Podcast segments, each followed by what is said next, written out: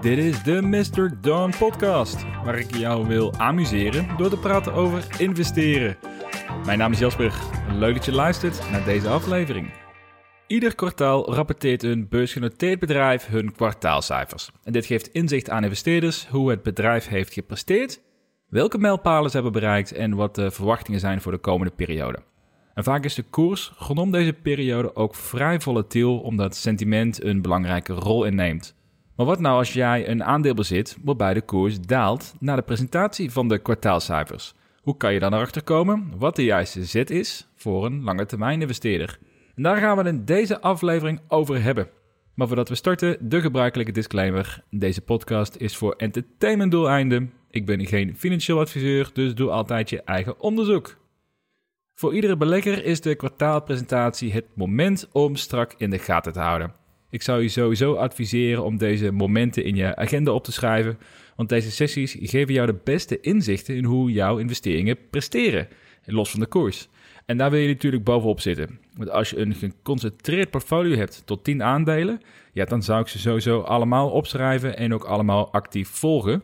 Mocht je nou een diverse portfolio hebben, dan zou ik sowieso de kwartaalsessies van je top 5 posities volgen.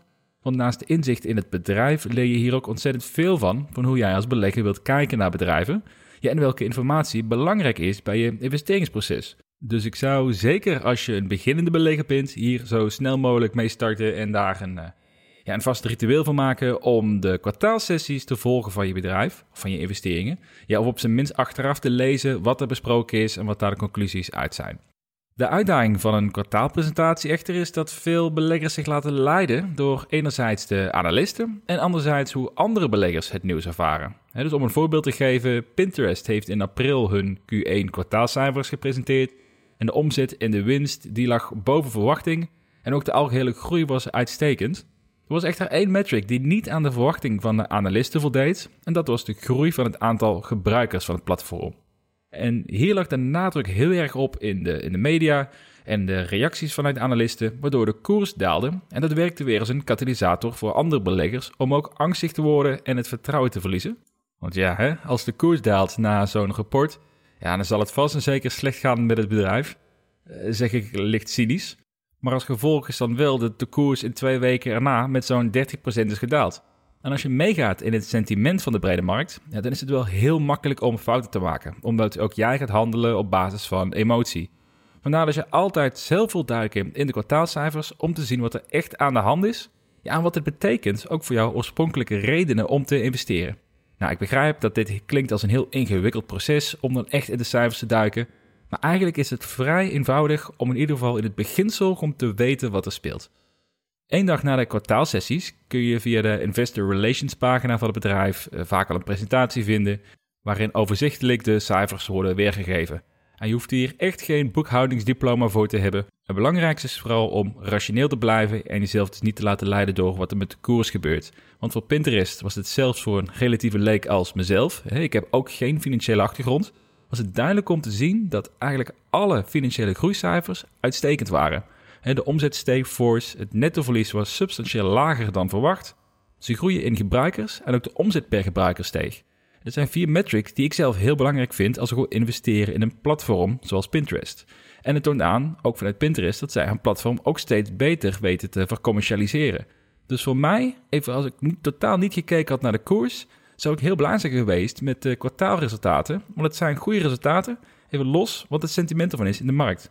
En dat is zeg maar waar je heen wil. Je wil niet kijken naar wat de koers doet. Je wil eerst kijken, wat is er nou in de hand met het bedrijf? Ben ik daar tevreden mee, ja of nee? En daar wil je eigenlijk conclusie op baseren. En niet op basis van wat andere beleggers doen met hun aandelen, of ze aan het kopen of aan het verkopen zijn.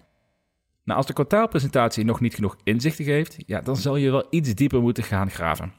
Dan kan je kijken naar de, naar de financiële balans. Zijn de verwachtingen misschien niet gehaald omdat er een eenmalige financiële uitgave is gedaan? Of misschien omdat er boekhoudkundig een aanpassing is gedaan. Of zijn gewoon de resultaten inderdaad gewoon minder sterk als gevolg van een tijdelijke tegenslag. Of verliest het bedrijf permanent marktaandeel. Dus in dat geval, als je niet heel goed weet waar het vandaan komt en als je ook niet kan, ja, kan vinden waar het probleem de zaakjes zit vanuit de, de, de, cijfers die het bedrijf geeft, zeg maar de overzicht wat het bedrijf geeft, ja, dan zul je iets dieper moeten gaan duiken en dan zul je het kwartaalverslag moeten bestuderen en ook moeten kijken naar de financiële balans in dat overzicht. En dat ook weer puur rationeel, zonder voorkeur of je wilt dat het bedrijf het goed doet of niet. Feiten, cijfers en daarna met een frisse blik ernaar kijken, waarbij je jezelf continu de vraag stelt: vind ik dit nog steeds een goede investering, ja of nee? En de controlevraag daarin is: is als je het bedrijf nu nog niet in je portfolio zou hebben, zou je nu dan alsnog investeren, ja of nee? Wat ik zelf vind wat ook enorm helpt, is het lezen van verschillende meningen en artikelen over bedrijven na zo'n sessie. Een goede site hiervoor is bijvoorbeeld seekingalpha.com, waar gastredacteuren hun mening geven over een bedrijf. Het enige wat je wel daarin moet beseffen is dat dit soort artikelen vaak wel geplaatst worden met een achterliggende reden. Dus dit kunnen beleggers zijn die zelf het aandeel in een portfolio hebben, of misschien hebben ze zelf wel een short positie, waardoor ze wat meer overwegend negatief zijn over het bedrijf. Maar als je een beetje een kritisch oog hebt, dan kan je best wel makkelijk filteren welke meningen voor jou van waarde zijn en welke meer gebaseerd zijn op creëren van angst of misschien wel op creëren van FOMO. Dus neem het zeker niet voor waarheid aan, maar het kan je wel degelijk helpen om net bepaalde punten iets duidelijker te krijgen voor jezelf. En de gouden combinatie is als je merkt na het lezen van de kwartaalcijfers dat de werkelijkheid mooier is dan het sentiment in de markt. Dat biedt namelijk de beste kansen op goede investeringen. Dus zo gebruik ik zelf ook graag Twitter om het sentiment te polsen na zo'n presentatie. En als daar overwegend negatief wordt gesproken, terwijl ik zelf dus al heb geconstateerd dat het uitstekende resultaten zijn waar ik heel blij van word, ja, dan is dat een hele mooie kans om toe te slaan. En zo kan jij ook profiteren als de koers daalt naar een earnings report waar het bedrijf eigenlijk heel positieve resultaten heeft laten zien. Maar dan moet je dus wel diep willen duiken en willen weten en beseffen wat het bedrijf heeft gepresenteerd. En dat is dan je huiswerk als, uh, als investeerder. Afsluitend, uiteraard, het kan ook dat het bedrijf een slecht earnings report heeft en dan zal je ook een keuze moeten maken. Vertrouw je erop dat het bedrijf zich in de komende kwartalen gaat herstellen en dat het een eenmalige tegenvaller is? Ja, dan is het verstandig om je aandelen vast te houden. Maar als je denkt dat het bedrijf in een neerwaartse spiraal zit en jouw oorspronkelijke redenen om te investeren, die zijn het afbrokkelen, ja, dan zou verkopen wel de juiste zet kunnen zijn. Maar ook bij hier weer, bepaal je eigen standpunt, laat je niet beïnvloeden door de koers.